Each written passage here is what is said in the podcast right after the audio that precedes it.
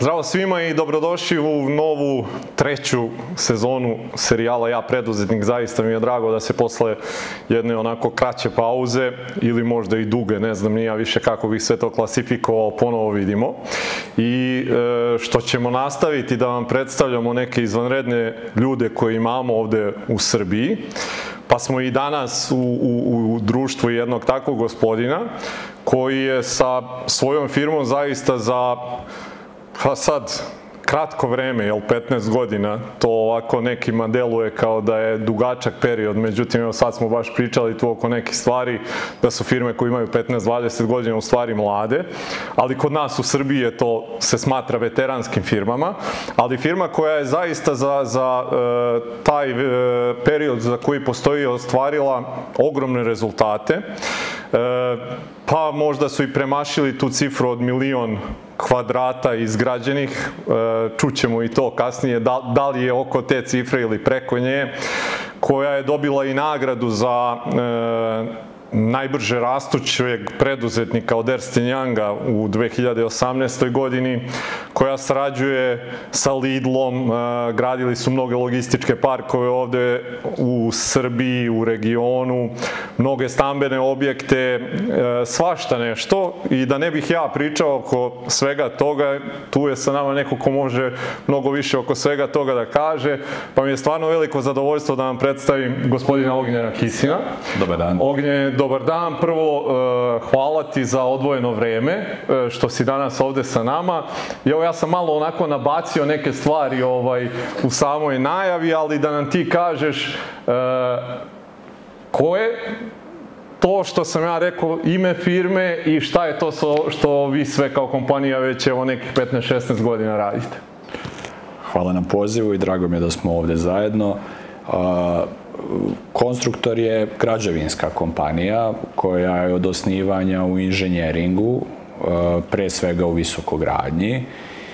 I kroz ovih 15 godina često ne stignemo, toliko se brzo ti objekti smenjuju, završavaju, jako su kratki rokovi, da redko uspevamo nešto da se zaustavimo i podvučemo crtu. Ja se često šalim s kolegama, svima nam nekada objekat završen prošle godine izgleda kao da je bio pre pet godina, jer se umeđu vremenu dosta toga izdešalo. Mi smo porodična građevinska kompanija, orijentisana ka inženjerskom pristupu gradnji, e, gde je naš neki cilj i e, način funkcionisanja rad isključivo sa privatnim investitorima, Uglavnom su to proizvodni objekti, skladišni objekti, tržni centri i stanogradnja. I evo sad da kažemo kroz tih 15 godina prebacili smo sada već tih milion kvadrata ovaj, teško bi bilo i nabrojati sad sve, podsjetiti se svih imena. Srećom imamo u firmi već i zaposlene koji o tim stvarima vode računa. Tako da, eto, to je neka baza, sada se firma funkcioniše kao grupacija nekoliko nezavisnih privrednih društava, gde smo razdvojili to na proizvodnju čeličnih aluminijumskih konstrukcija za građevinarstvo, to je konstruktor e, metal, konstruktor oprema, koja je mehanizacija za zemljane radove, visinske radove, sve što je potrebno u građevinarstvu od opreme i mehanizacije, konstruktor distribucija koja se bavi trgovinom, visoko kvalitetnim materijalima u građevinarstvu, naravno najviše za naše potrebe i Konstruktor Consulting koji je vodeća kompanija gde je glavna snaga 50-ak izuzetnih inženjera svih struka koji te objekte u tim neverovatno kratkim rokovima uspevaju da iznesu. Ok. E, evo, ti si sad i dodao e, i dotaćemo se kasnije toga kroz razgovor da kompanija, zaista ja mislim jedna od malog broja u, u Srbiji koja je izrasla i postala na neki način grupa koja unutar e, iz jedne kompanije kasnije izraslo dosta njih. Međutim, pre nego što dođemo do ovih nekih današnjih dana, ono kako je neka tradicija naše emisije da se vratimo na neke same početke, pa ću ja da te vratim u neke 80. tamo godine, jel tako, da, da nam kažeš malo nešto o svojim korenima, počecima, školi, pa da onda polako krenemo kao ovim današnjim vremenima. Pa, uh, ja sam rođen u Sarajevu, u Bosni, moja porodica je došla ovde sa, ja volim da kažem, klimatskim promenama 90-ih, silom prilika. Ja sam završio građevinski fakultet, negde sam tu išao stopama svog oca, koji je profesor građevinskog fakulteta i doktor građevinskih nauka i još kao dečak sam često sa njim gledao te neke crteže, tada se to crtalo rapidografima, pa je to bilo dosta sve zanimljivo, onako mnogo zanimljivije nego danas ovaj, što izgleda, posećivao gradilišta i negde kada sam se opredeljivao za fakultet, ovaj, to mi je bilo blisko i to mi je bila želja ali sa preduzetništvom sam počeo da se bavim još u srednjoj školi, gde sam sa 16 godina osnovao svoju prvu firmu uh -huh. sa najboljim prijateljem i to je bila neka trgovina daleko od građevinarstva, ali su to bile odlične životne lekcije i kako stvari funkcionišu i upoznavanje komunikacije s ljudima i tako. Tako da negde kada sam ovaj, bio pri kraju fakulteta, prirodan sled je bio osnivanje konstruktora, I evo sada, posle 15 godina smo tu gde jesmo. E, reci mi, e, spomenuo si sad da ti je otac bio i profesor. E, firmu ste pokrenuli 2004. godine. Odakle ta inicijativa, je li to došlo? Dosta preduzetnika na neki način uđe u preduzetništvo iz nekog moranja i, i, i nužde koja ih natera. Ti si rekao da, eto, da si sa 16 godina imao negde tu neke izlete u preduzetničke vode. Kako je došlo do toga da, da, da pokrenete firmu 2004. Ti si, ako se ne varam, za to vreme e, još uvek bio na studijama, jel Ja da? sam tada bio još uvek na studijama, sam bio u završnim godinama studija. Pa negde je to došlo prirodno kroz naš razgovor i neke o razmišljanje. E, otac je stekao ogromno iskustvo i kroz univerzitetsku karijeru, ali i kroz praksu u, radu i on je jedan od redkih inženjera na ovim prostorima koji su povezali teoriju i praksu, tako da je njegov uh, e, CV jednako uh, dugačak i jednako važan i u tom teorijskom i u praktičnom radu. Naravno i od početka firme on se, uh, ja sam bio taj koji je više to gurao napred ka privatnom biznisu, širenju poslovanja, nekim planovima, ali je to sve zajedno jedna dobra sinergija iskustva i znanja i neke, ja verujem, moje dobre energije i preduzetničkog duha mm -hmm. koji je doveo do ovoga gde smo sada. E, ta inicijalna kompanija je bila ovo što si rekao malo prenoseća kompanija Constructor Consulting. Šta je bila neka osnovna delatnost u tom trenutku kad ste krenuli da radite? Šta ste imali kao neku zamisao na samim početcima? Pa na samim početcima uh, je, smo faktički vodili investicije za nekoliko većih stranih investitora, nešto domaćih i to je bilo kao i što u tom nazivu stoji consulting, to je bilo pružanje usluga savetovanja, pomaganja u vođenju investicije investitorima. Ovaj, uh, negde tu postoji jedna stavka gde konsulting u Srbiji nije značajno razvijen u mnogim oblastima, jer mi smo kao narod dosta nesvesni značaja i doprinosa kvalitetnog savetovanja i negde nam je u prirodi nacije da mislimo da o svemu ponešto znamo, a naravno o građevinarstvu, jel, kao i o futbalu, svi sve znaju. Tako da je to bio, da kažemo, početak u kome smo mi brzo uočili i neku, ja sam prepoznao da to neće zadovoljiti ambicije u smislu poslovanja, obima poslovanja i onda smo nakon kratkog vremena počeli sa nuđenjem i ugovaranjem inženjering poslova, gde smo u stvari preuzimali ulogu nosioca procesa izgradnje, mm -hmm. a sa akcentom da implementiramo tu svoje znanje mm -hmm. i iskustvo. Je, li bilo teško e, napraviti tu negde, e, dosta ljudi kad krene sa, sa svojim poslom, zaljubi se u svoju ideju i sad ti si rekao vi ste ušli u, u sam e, privatan posao sa jednom zamisli i onda ste dobili na neki način i povrat od tržišta da, da to možda baš neće ići tako kako ste vi mislili da je potrebno da menjate malo smer. Je li bilo ovaj lako 我 prilagoditi se tome? Jeste ti otac to nekako uh, lako prihvatili ili je tu i bilo malo onako ovaj uh, napora da se shvate te neke stvari pa da se ovaj dodatno prilagodi zahtevima tržišta?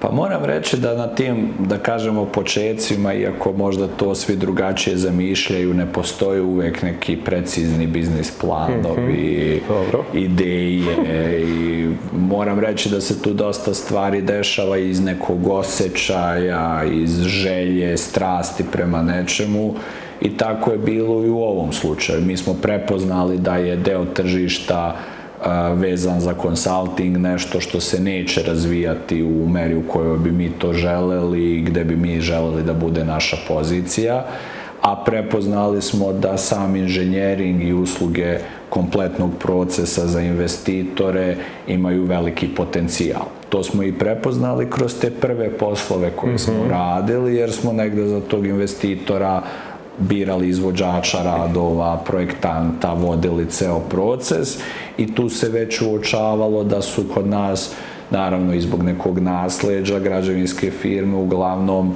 tradicionalnog tipa orijentisane ili ka projektovanju ili ka čistom izvođenju i da ne postoje na tržištu firme koje su sposobne da iznesu ceo proces projektovanja i izvođenja, mm -hmm. kasnije se tu uključilo ishodovanje dozvola i neke druge segmente i u stvari smo prepoznali potrebu tih naših tadašnjih klijenata za nekom širom uslugom, kompletnom uslugom koju zaista u tom trenutku na tržištu niko nije mhm. nudio i to je na tom tržištu, znate sada, kratak je to vremenski period, ali su se kod nas dosta tih stvari razvilo u posljednjih desetak, 15 godina.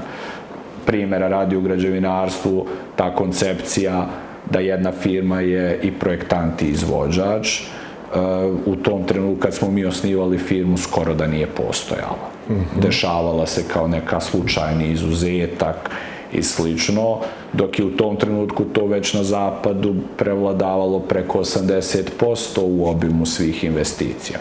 Sada, u ovom trenutku, većina projekata koje mi radimo, ali već postoji niz drugih firmi koji učestvuju u tom načinu poslovanja, izvodi objekte po principu projektovanja, izgradnje ili taj fraza na engleskom je design and build. Mm -hmm.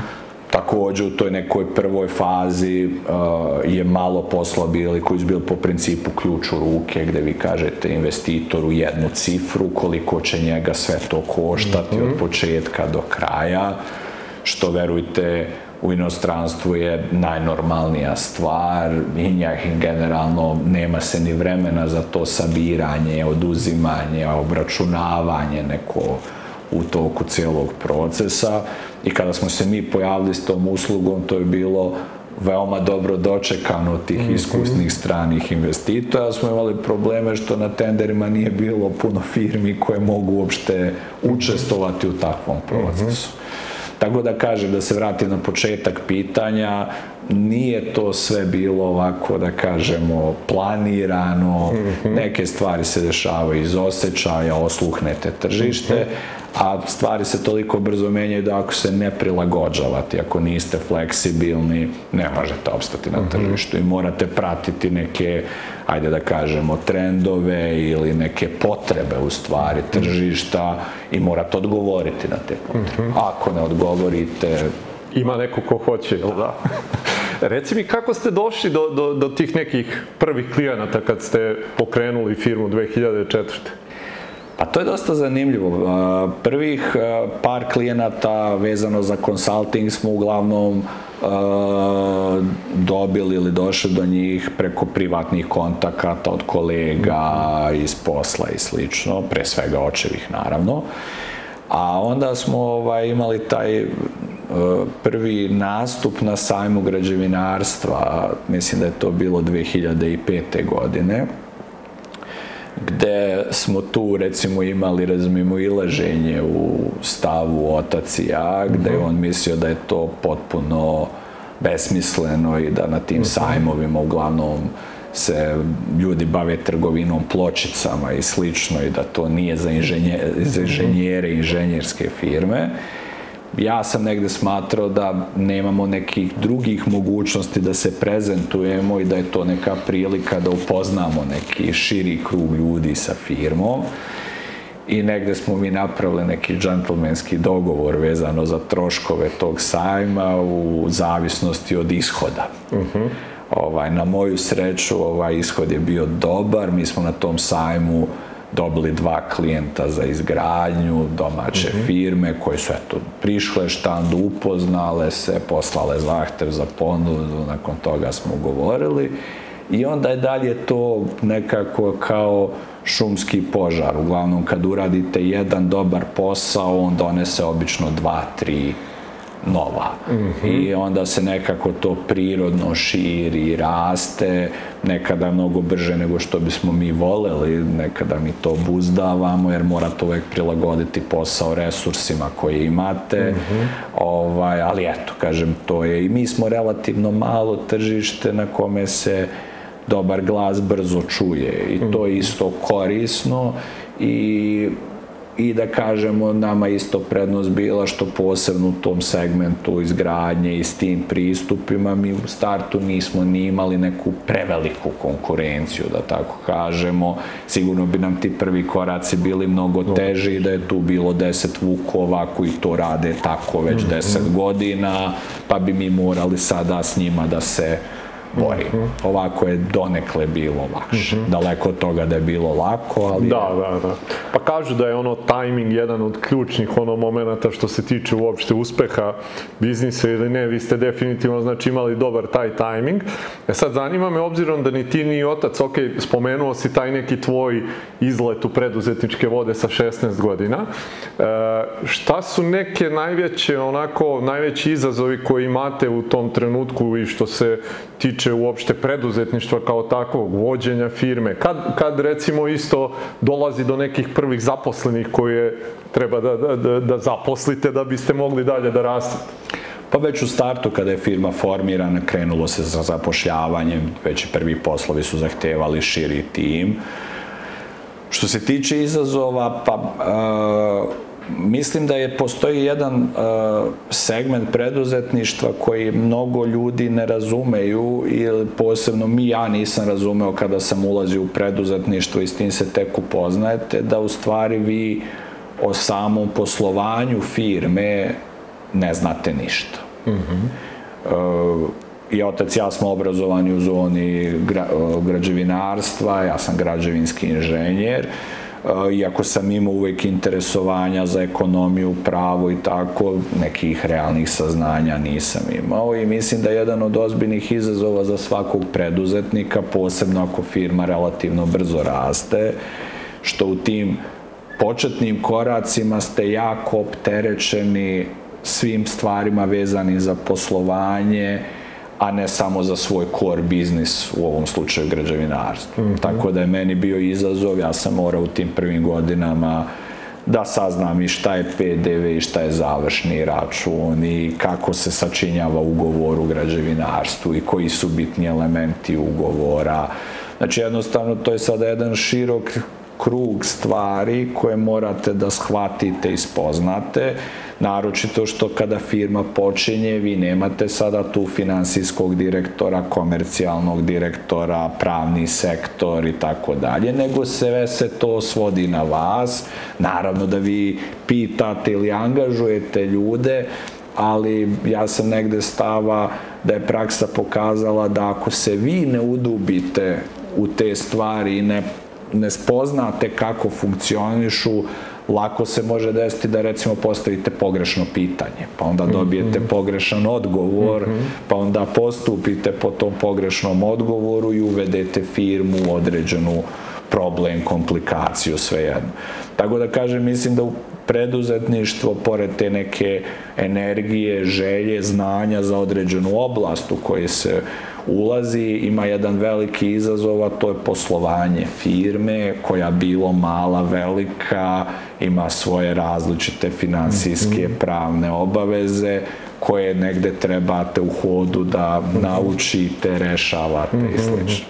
E, rekao si da se relativno brzo i pojavila potreba za zaposlenima, pa me zanima, pošto pretpostavljam da ste ti i otac to sve tad odlučivali oko toga, šta ste gledali kod tih ljudi koje ste zapošljavali, šta su vam bile neke važne stvari kod njih?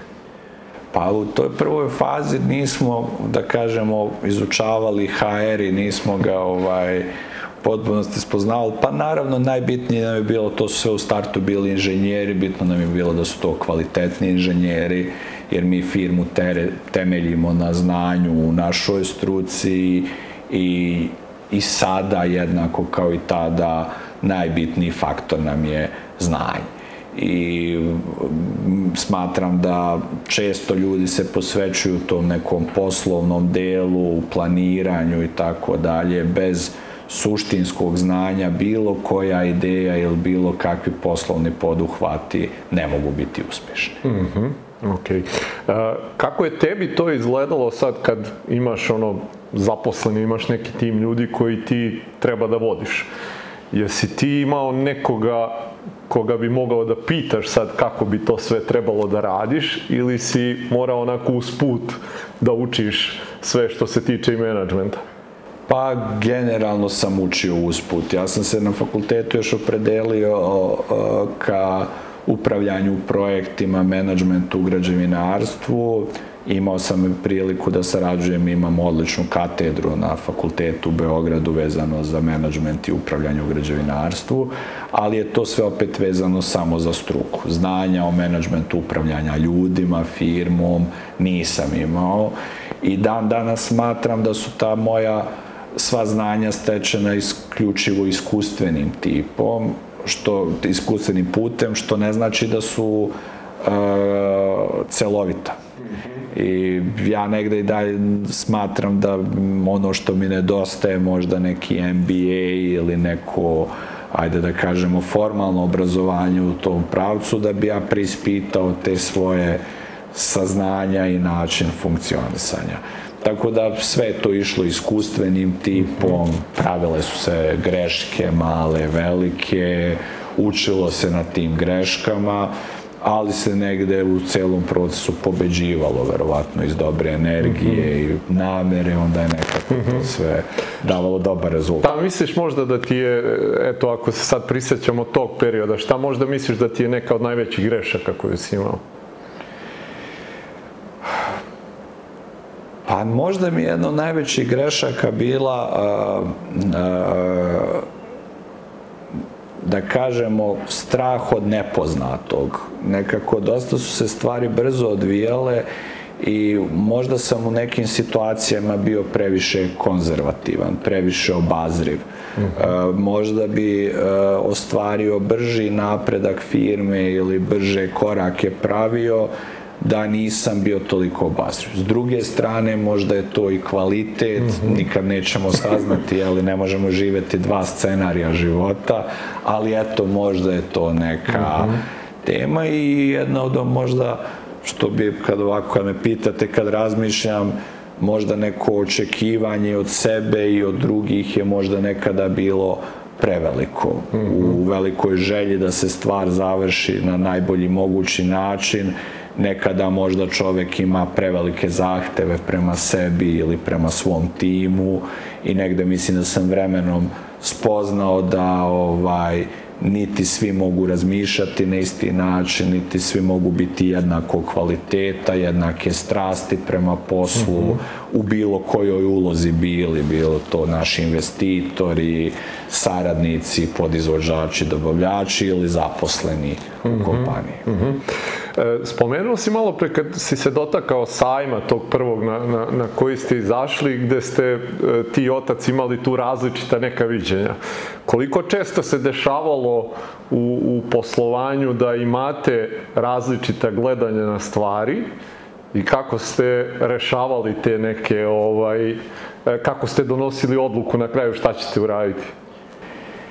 Pa moram da kažem, meni je to i dan danas ovaj, dosta zanimljivo ili fascinantno. Mi se nikada nismo razlikovali uh, u stavovima oko bitnih odluka. Mm -hmm. I negde kroz proces razvoja firme smo jednako uh, imali jednake stavove po mnogim pitanjima i vrlo lako usvajali predloge ovog drugog. Negde se uvek to svodilo na naš zajednički razgovor u kome se razmatra određeni prijedlog, promena, projekat i slično. I moram reći da teško mi je da se setim kada su nam se mišljenja razlikovala oko bitnih stvari svakako se nas dvojica veoma razlikujemo i zbog godina i pristup nam je različit i nekad neke stvari bi uradili na potpuno drugačiji način, ali bitne odluke oko poslovanja i ciljevi nam se nikad nisu razlikovali. E, kako recimo ako e, govorimo o donošenju odluka iz tvog ugla, e, kako izgleda taj proces? Je igra veliki uticaj tu i intuicija ili si više naklonjen onako analitičkom nekom pristupu obzirom da si inženjer? Pa mislim da više ovaj naginjem ka tom analitičkom pristupu, ovaj često su to ozbiljna duga promišljanja, argumentovanja, nekad se čovjek i zapetlja u svemu uh mhm. -huh. tome, onda tu negde intuicija uh mhm. -huh. pomogne, da kažem. e, e, šta bi možda smatrao nekom prekretnicom u, u, u razvoju tih prvih nekih godina, šta možda vidiš negde kao uh, odskočnu dasku ili tako ne, nešto tih godina što je se desilo, što vas je prebacilo onda na jedan malo ozbiljniji nivo? Pa da kažemo, bilo je nekoliko prelomnih odluka ili projekata, recimo, eto, spomenuli smo u početku, firma je počela kao mali tim inženjera u pružanju usluga konsultinga investitorima. Prva neka značajna odluka je bila iskorak ka inženjeringu i preuzimanju kompletnog procesa gradnje na sebe. Zatim smo par godina nakon toga doneli odluku u nedostatku kvalitetnih podizvođača i dobavljača za čelične konstrukcije, gde smo često imali projekte tog tipa, i zbog vokacije oca koji je profesor čeličnih konstrukcija, pa smo oformili proizvodnju čeličnih konstrukcija, kasnije nešto i aluminijumskih, pa je to bio jedan ozbiljan pomak. Zatim u tom inženjeringu krenete sa nekim malim projektima od par stotina ili hiljada kvadrata, relativno jednostavnijeg tipa, onda su neki projekti koji su nam se dešavali u procesu bili prijelomni, koji su bili daleko veći, ozbiljni, kompleksni od onih prethodnih, pa na njima firma, da kažemo, sazri ili mm -hmm. preskoči jednu prepreku. Ja to volim često da uporedim sa ovaj, atletikom gde, znate, kada preskačete stalno metar, onda vam je metar i po jako mnogo. A kada preskačete metar i po, metar vam je ništa. Tako da je bitno mhm. stalno pomerati tu neku lestvicu, pomerati taj neki izazov i samo firma ako se suočava sa novim, većim, ozbiljnijim poslovima može da raste sve ostalo je po meni stagnacija. I jako je bitno nama u tom inženjerskom smislu je mi, ja ovaj posao pre svega volim zbog njegove sadržine i meni bi bilo neizazovno da radim recimo isti tip i veličinu i kompleksnog objekta u dugom nizu godina. Ne bi mi predstavljalo izazov, ne bi mi donosilo radost. Ovako su neki veći projekti. Kada me pitate, izdvojio bi recimo to nam je bilo, ja sam bio pomalo i uplašen pred traj projekat, to je bio recimo kada smo ugovorili, kasnije uspešno izveli jedan ozbiljan most, zove se Čemerno u Bosni i Hercegovini, velikih raspona, veoma kompleksne geometrije gde je to trebalo isprojektovati, proizvesti, montirati. Svaka od tih faza imala svoje značajne izazove. Zati kada smo ugovarali prve veće inženjering objekte, kompleksnije, recimo jedan od meni jako dragih objekata je bio Grunfos u Inđi, to je jedan veliki proizvodni kompleks gde smo imali priliku da sarađujemo sa izuzetnom ekipom inženjera iz Danske s ogromnim iskustvom, jer su oni za tu firmu izveli niz objekata, pa smo od njih tu puno naučili u mnogo stvari, pa se to dalje, da kažemo, mm -hmm. ubrzavalo, tako da kažem, eto, pre, to su neke prelomne tačke. Mm -hmm. A zanima me sad, spomenuo si eto i taj neki strah kad je trebalo raditi te neke ovaj, velike stvari. E, kako se izboriš onda sa tim strahom? Pa nema tu nekog posebnog recepta, stegnete zube i prihvatite mm -hmm. se mhm. posla. I onda kada uđete u posao, žestoko, onda se to na kraju i pobedi. Znate, ja negde sam stava uh, i u uklanjanju straha i u uspehu na kraju u, u poslu uh, često svi misle da je do nekog posebnog trika ili ideje mm -hmm. ili da ne znam pobedi firma sa nekom idejom ja sam negde malo drugačijeg mišljenja, u stvari vam se uspeh sastoji iz e, hiljada i hiljada pojedinačnih postupaka, poslova, vrijednog rada koji na kraju dovedu do, do nekog uspeha i do neke pobede. Slično i sa strahovima, strah ako gledate samo u njega i razmišljate o njemu nećete ništa uraditi, nego trebate da se pozabavite s onim što je izvor, mm. jel? I kada savladate izvor, onda strah sam nestane. ok, to si jako lepo rekao. E, kad si malo pre spomenuo da ste e, počeli od te osnovne firme Konstruktor Consulting i onda da se e, izrodilo, da to tako kažem, još nekoliko kompanija unutar grupe, koliko je bilo izazovno i teško zadržati fokus e, i uspeti sve to da se ishendluje na neki način. Dakle, e, u jednom trenutku imate jednu firmu, pa onda iz nje proizilazi još jedna, pa druga, pa treća, pa četvrta. Koliko je bilo izazovno vama, opet se vraćamo sad na to e, nemanje ni znanja, e, onako nekog formalnog, dakle nisi završio fakultet za management, i nemanje uopšte nikoga da pitaš ovde, spomenuo sam to na početku, jako mali broj naših kompanija koji imaju onako grupu ovaj firmi. Šta su vam bili tu neki izazovi koliko je uopšte bilo teško sve to uklopiti u jednu skladnu celinu? Pa dobro, uh, u odnosu na te početke, gde se sve svodilo, da kažemo, na iskustvo, sticanje iskustava, već kada je došlo do toga da se formiraju druga, treća, četvrta kompanija, tu su se već ocu i meni koji smo to strastveno vodili i bili posvećeni tome 110%, priključile i kolege koje su među vremenu sazrevale u firmi i mogli da preuzimaju određene uloge i delove odgovornosti.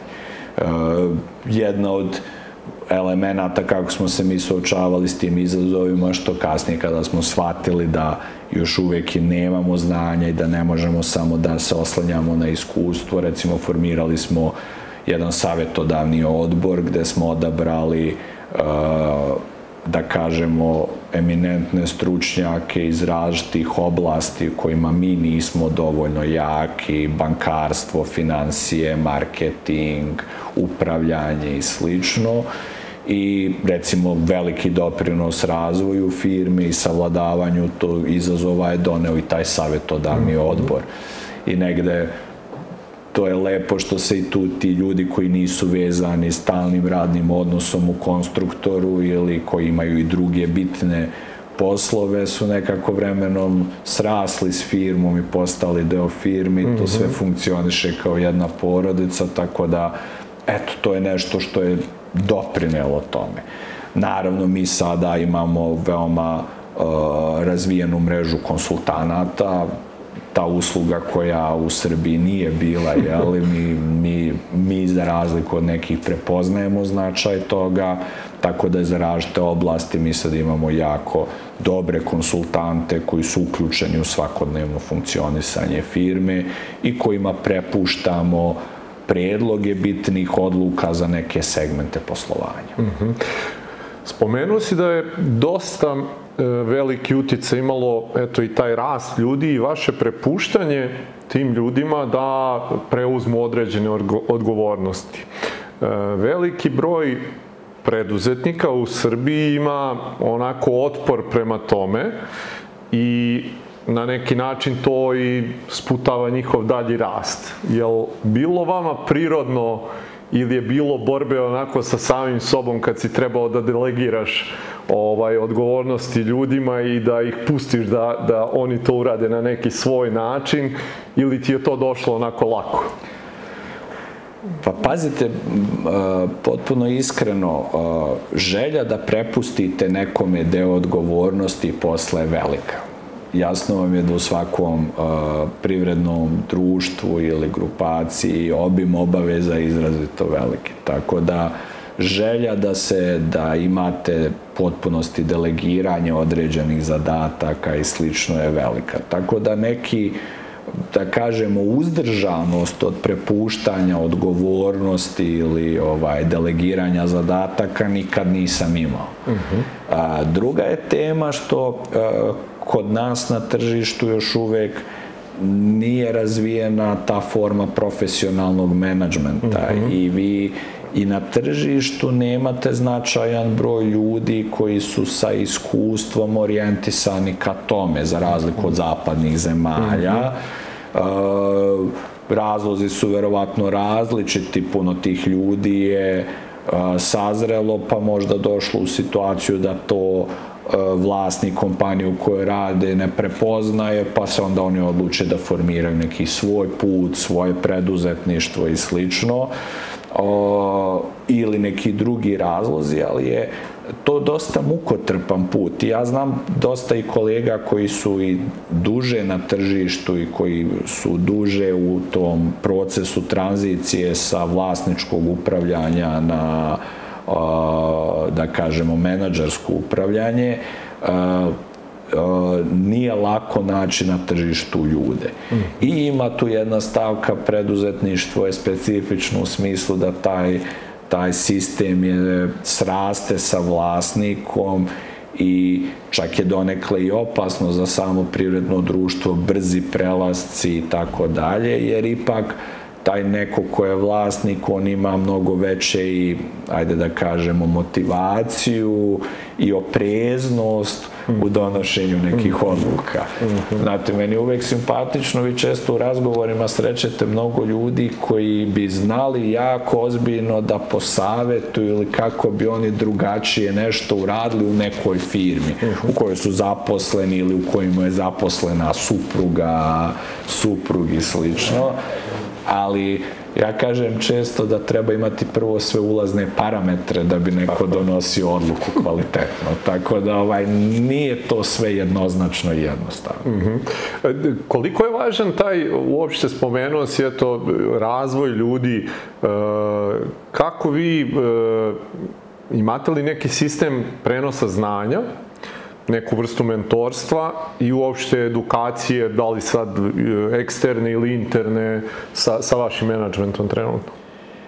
Pa mi imamo programe različite koji su vezani na obuke, sticanje znanja, ali je nama pretežni program ovaj sticanja znanja sam posao. Mm -hmm. Naša oblast delovanja je veoma dinamična i mi smo svakodnevno u praksi i e, za razliku od nekih e, oblasti koje su tipa trgovine ili proizvodnje, građevinarstvo je specifično što sva znanja vi e, stičete kroz praksu.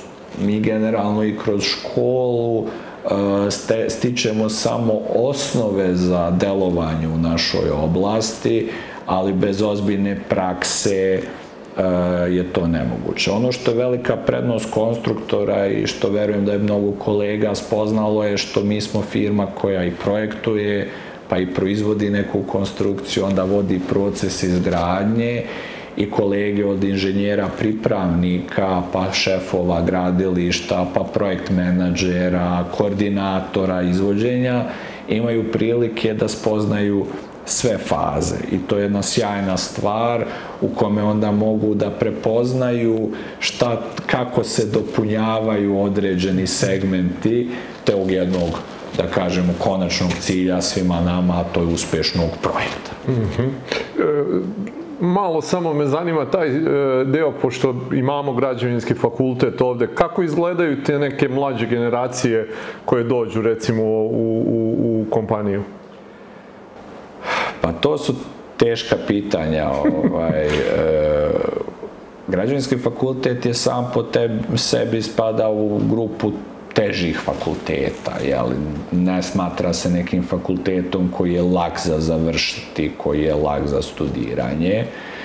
I ovaj, e, međutim, smatram da još uvek postoji nedovoljna orijentisanost fakulteta ka pripremi tih mladih ljudi za profesionalni rad. Mm -hmm. I mi izvesno imamo situaciju da kada nam dođu izuzetni studenti direktno s fakulteta, potreban je dug period dok oni ne postanu profesionalci, dok se ne profesionalizuju u izvršavanju svojih radnih zadataka. Mm -hmm. e, možda je malo teško to slikovito objasniti, ali znate, e, u našem poslu recimo ljudi su orijentisani na to da budu ili projektanti, ili šefovi gradilišta, ili projekt menadžeri. To su neke, ajde da kažemo, tri osnovne grupacije.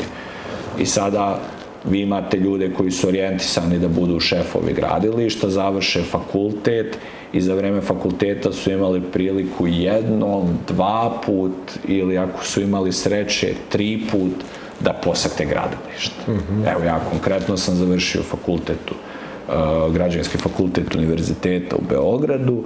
Ja sam za vreme fakulteta imao organizovane dve posete gradilištu po sat, dva vremena. E sada, kako očekivati da nekog, od nekoga a, mladog čoveka da bez ikakve prakse sutra dođe na realno gradilište, mm -hmm. da on radi svoj posao šefa gradilišta ili pripravnika šefa gradilišta, ja, sve jedno. On prvo mora proći nedelju dana obuku kako se kreće na gradilištu. Bezbedno. pa onda da, da. sve ostalo, tako da kažem, to je jedan ovako dosta teška situacija i drugi po meni ono što mi prepoznajemo kod mlađih kolega koji dolaze, možda se to njima neće sve svideti što ja kažem, ali je to jedan nedostatak strasti prema poslu.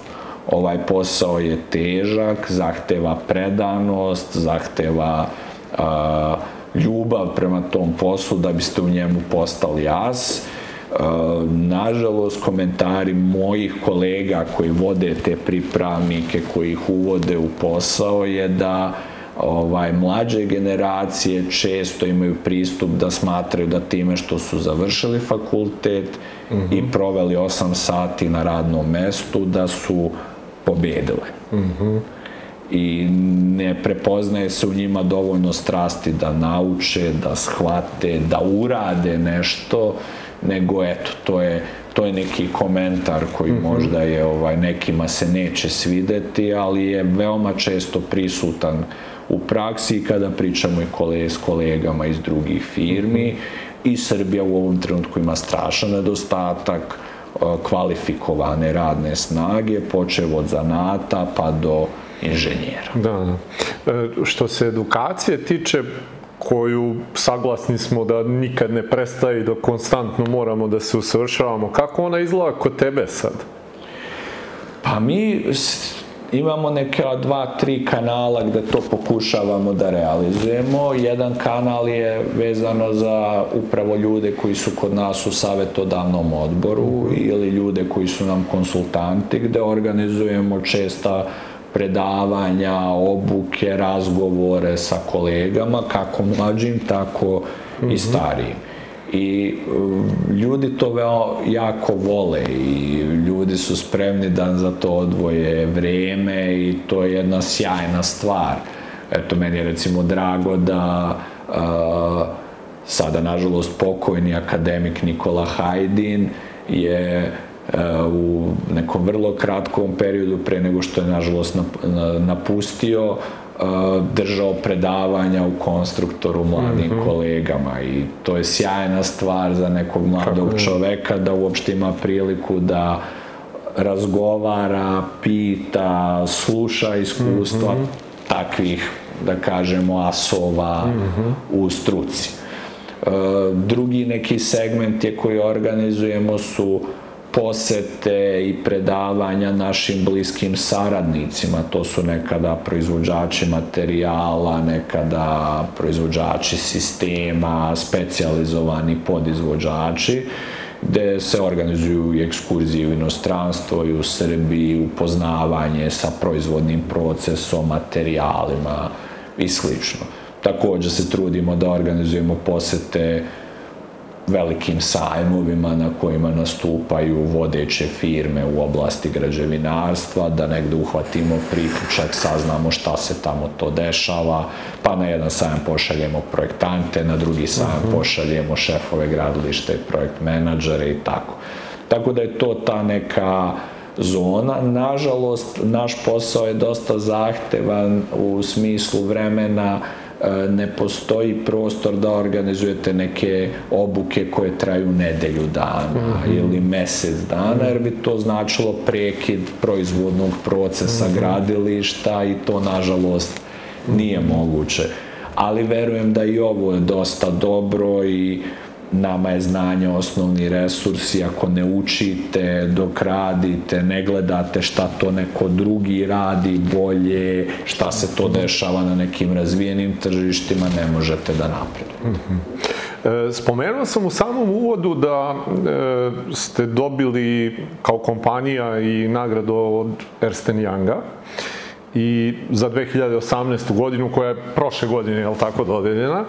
Ovaj, pa me zanima e, jedna stvar, prvo koliko vam je bilo značajno sve to, a onda dohvatili smo se te teme ono pre zvaničnog početka snimanja i tvoj uh, odlazak u Monte Carlo gde si išao tamo, zanima me da čujem i tvoje utiske vezano za taj deo, obzirom da znam kad sam sa Darkom Budečom razgovarao, uh, kad je prvi put otišao u Monte Carlo, rekao mi je, kaže, sve moji planovi i ciljevi koji sam imao posle povratka u Monte Carlo su porasli za jednu nulu. Kaže, ono što je bilo 10 je postalo 100. Pa, uh, ajde prvo da, da se osvrnemo i na tu nagradu koju ste dobili, koliko vam je i ona značajna, I onda da mi eto kažeš i taj deo kako ti izgledao taj ovaj e, uticaj Monte Carlo na tebe kao onako preduzetnika. Pa, mi smo jako zahvalni Ernst Youngu na tom nagradi. O, jako nam je drago što smo imali priliku da budemo i kandidovani, a zatim i da dobijemo a, tu nagradu. A, za ljude koji ne poznaju a, taj proces, to je faktički najveća najveća organizacija preduzetničkih nagrada na svetu, koju vodi jedna od tri najveće konsultantske kuće u finansijama. I ja volim da kažem, e, ta nagrada je sjajna u smislu što je kombinacija dve stvari. Prvo jedne čiste objektivne finansijske analize u kojoj su oni majstori, u kome mhm. oni izdvoje firme koje posluju u potpunosti legitimno, legalno, kvalitetno i to je ono što se vidi kroz te finansijske izveštaje i slično mm -hmm. i to je prvo veoma značajno kada imate jasnu propoziciju kako se ulazi u tu kandidaturu, a drugi deo koji mi je možda i draži je što su u tom žiriju sve preduzetnici koji su pobeđivali prethodnim godinama, koji su potpuno rasterečeni bilo kakvih, hajde da kažemo, navijanja, utice ili mm -hmm. bilo čega. I ja sam zaista i ceo proces je veoma uh, zahtevan, to su intervju i odgovori na mase pitanja, i slično, analiza firme, tako da u tom smislu, eto, to je neka, ajde da kažemo, lepa nagrada jer je veoma promišljen proces, kvalitetno vođen proces i drago mi je da su nas prepoznali kao jedno od tih, uh -huh. da kažemo, kvalitetnih privatnih preduzetničkih priča. Uh, Monte Carlo i taj odlazak tamo uh, mi je bio sjajno iskustvo. Prvo sam bio u u razmišljanju da li ću imati priliku da odem jer se to odvija, to je celo nedeljni događaj, a mi smo svi opterećeni, eto, ako nismo tu, kako će posao da funkcioniše, onda kada sam otišao tamo, pa eto, najjači utisak mi je bio da sam shvatio da ti moji neki frustracije, strahovi, faze u razvoju firme, da to se ne dešava samo meni. Vi tamo imate priliku da upoznate oko 200 ljudi sa koji su takođe preduzetnici iz cijelog sveta, vrlo različitih veličina firmi, mi smo da kažemo među manjim firmama koje se tu pojavljuju jer i tržište naše, jeli, sve su to pitanje iz koje sredine se i razvijaš i sve. Tako da eto, to mi je neki glavni utisak da sam se ja vratio ovako dosta raspoloženiji nego što sam otišao, jer sam shvatio da moje muke nisu jedine na svetu, da je to sve vrlo slično. Postoji tu jedna zajednička nit u svim tim preduzetničkim pričama koju svi mi proživimo, a onda je to, to mhm. bila prilika da shvatimo da je proživljavaju i neki ovaj, drugi ljudi. Zanima me ovaj period e, izazovan ovakav kakav je bio i za nas e, što se tiče celokupne ove pandemije sa koronom. Koliko je uticaja to ovaj ostavilo vama na poslovanje? Kako su izgledali ti ono i prvi mesec i ono kad smo imali potpunu blokadu i uopšte sad kako se odvija poslovanje? Pa Često sada su ta pitanja kako smo to progurali i šta su neki očekivani rezultate za ovu godinu. Ja mogu reći da je građevinarstvo generalno pokazalo da je dosta o, se otporno pokazalo u odnosu na neke druge industrije mi smo zahvaljujući nekoj našoj dobroj organizaciji i staviju i pomoći države da se gradilišta održe i da se nastavi raditi, neprekidno radili. Mm -hmm. Imali smo sigurno nekih otežavajućih okolnosti, pre svega vama je velika migracija radne snage i u smislu mi imamo dosta podizvođača, partnera koji su iz Bosne, Makedonije mm. i slično, koji nisu mogli da uđu u Srbiju u tom da. periodu. Da. Dosta građevinskog materijala se uvozi, pa je tu bilo nekih prepreka, posebno u prvim nedeljama. Ali neka naša analiza je pokazala da smo mi održali preko 90% poslovanje u tim teškim mesecima, što smatram pobedom. Kako ne? Na kraju, tako da mi ovu godinu posmatramo kao godinu u kojoj ćemo opet ostvariti rast, u kome smo uspeli da sve projekte zadržimo u okvirima planiranog, Uh, vidimo da su investitori veoma zadovoljni tim jer su oni bili zabrinuti, a od tog našeg završetka objekata zavisi njihovo poslovanje, posebno u proizvodnim, u segmentu proizvodnih objekata. Tako da, eto, kažem ja, bilo jako naporno, ovaj, moram reći, zato što smo imali, jeli, pored redovnog posla, sve još dodatne obaveze organizacione, e, logističke u tim uslovima korone. Tako da mhm. znam da smo ovaj, imali smo taj neki kolektivni godišnji odmor u avgustu koji su svi jedva čekali. Vidim da su se svi dosta umorili. To je da. bilo, verovatno je to i opterećenje i psihičko, mm. svi smo mi bili u iščekivanju kako će se to razviti, šta će se dešavati, ali moram da kažem da eto, mi smo zadovoljni, pregurali smo to bez velikih finansijskih gubitaka ili stajanja operacija, tako da eto, to okay. je neki... Sjajno, drago mi je stvarno da čujem eto i to, ovaj, da ste uspeli u ta teška vremena da ostanete negde na 90% su fenomenalni rezultati. E, ono što me zanima sad, što se tebe lično tiče, kad pogledaš neki ovaj prethodni period, šta su neke tvoje osobine koje si morao da menjaš da bi uspeo da ostaneš i dalje na čelu organizacije? Pa ne znam, mislim da sam jedna od stvari prvo koje sam na početcima sam se nervirao za svaku sitnicu. Mm -hmm. Shvatio sam vrlo brzo da to nije put kojim ću uspjeti da ovaj, ja ostajem u organizaciji da. dugoročno. Tako da sam onda počeo da stvari malo posmatram na drugi način i da razdvajam male probleme od velikih mm -hmm. problema i slično.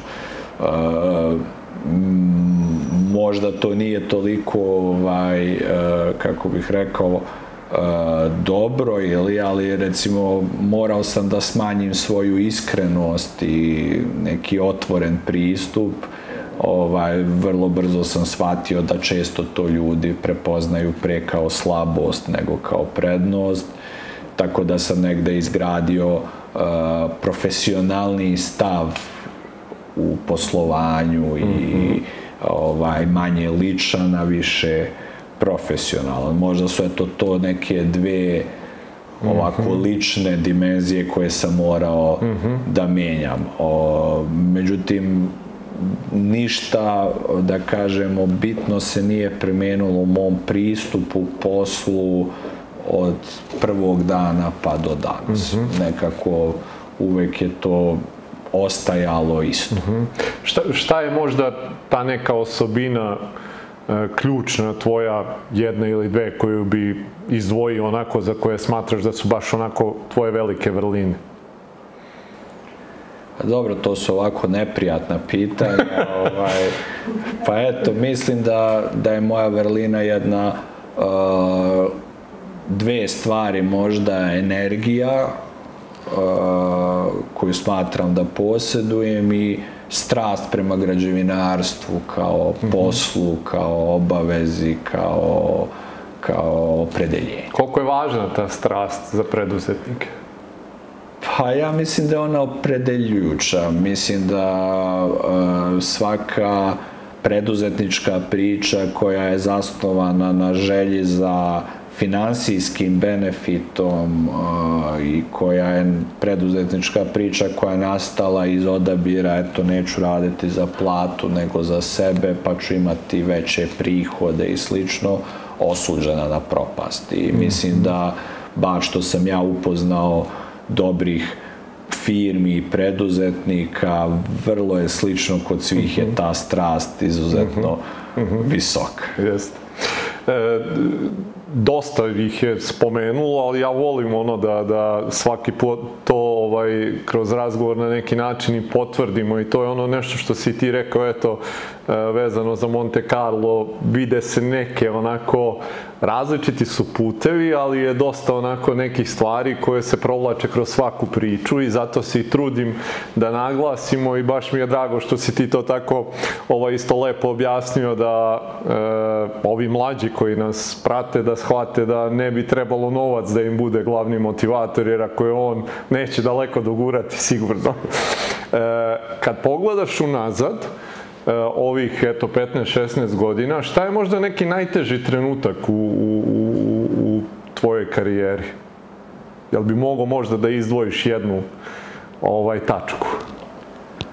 Pa ne znam, bilo je možda dva, tri trenutka kad se povežu odjednom da treba u istom mesecu da se završe četiri objekta, pa onda je pritisak veliki, ovaj, ali nekako se i to ovaj, brzo raspeće. Ka kako se nosiš sa tim pritiskom? Sad, e, izvini, e, kratko samo da, da, da nadovežem na ovo pitanje.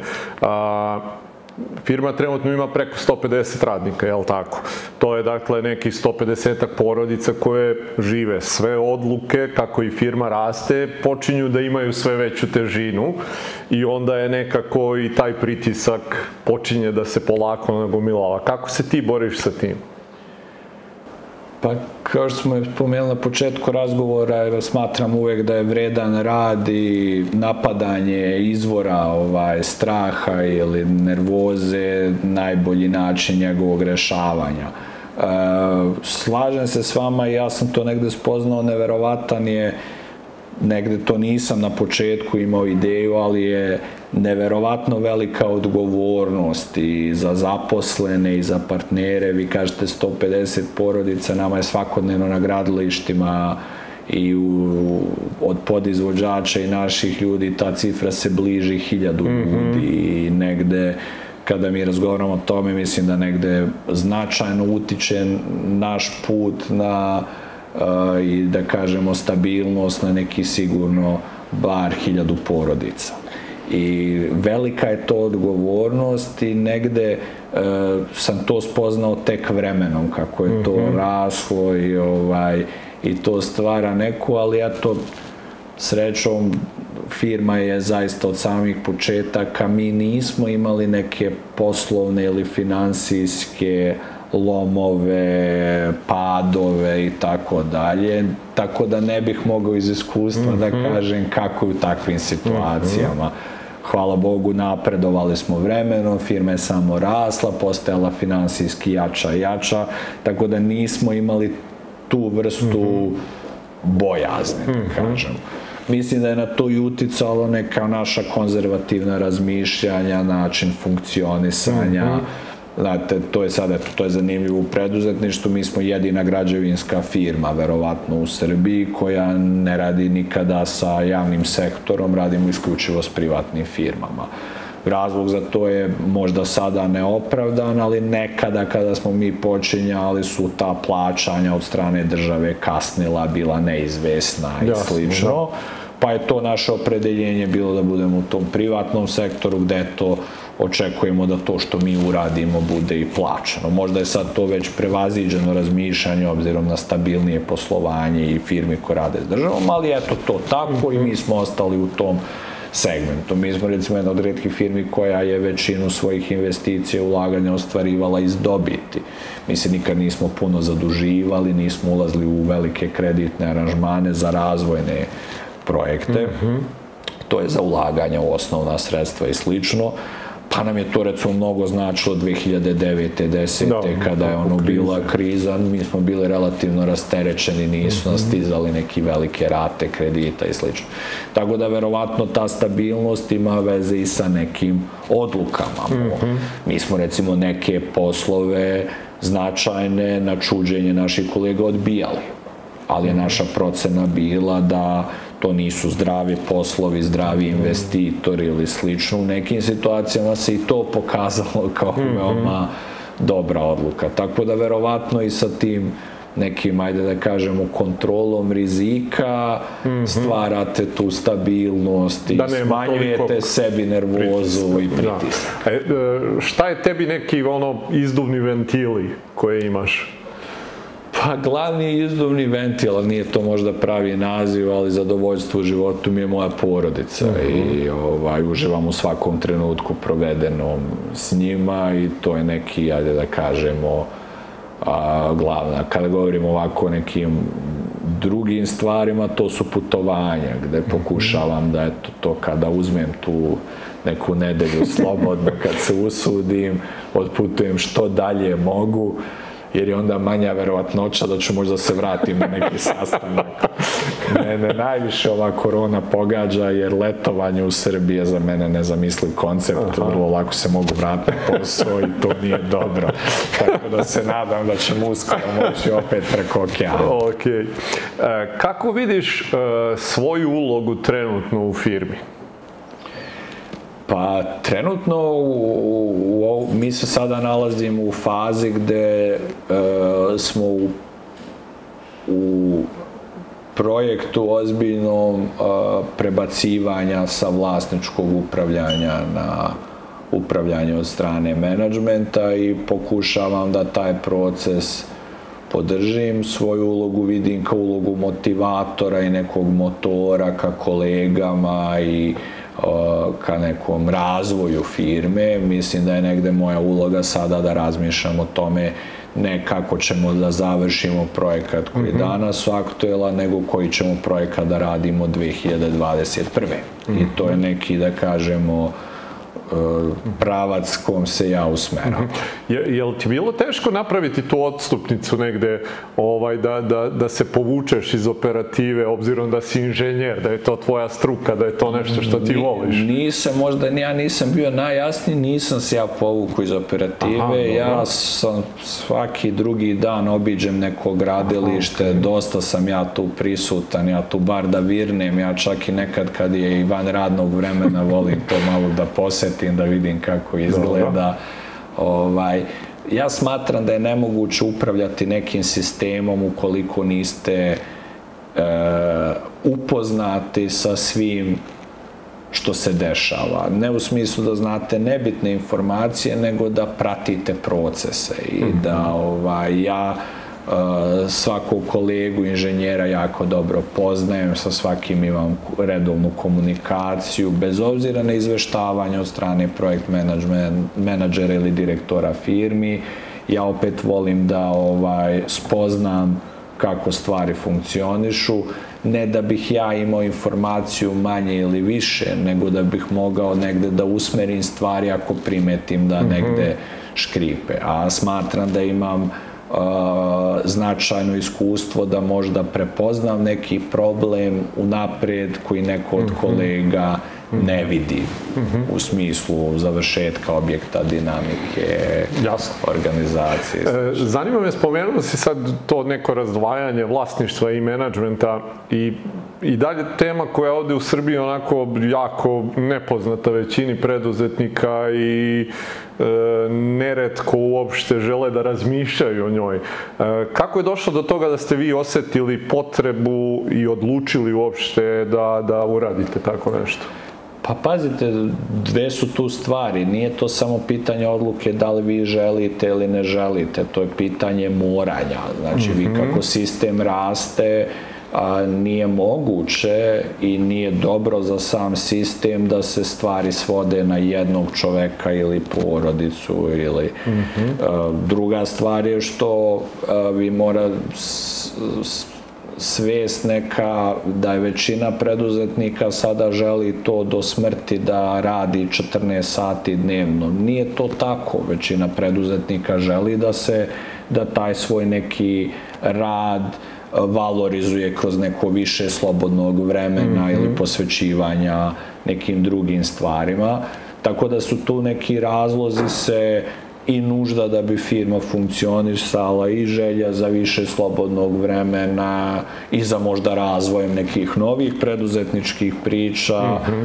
stvaraju da kažemo taj tlo za tu promenu. Tako da ja ne mislim da je tu često ljudi smatraju da eto preduzetnici neće direktora profesionalnog i da su oni protiv toga da bi oni nešto kontrolisali.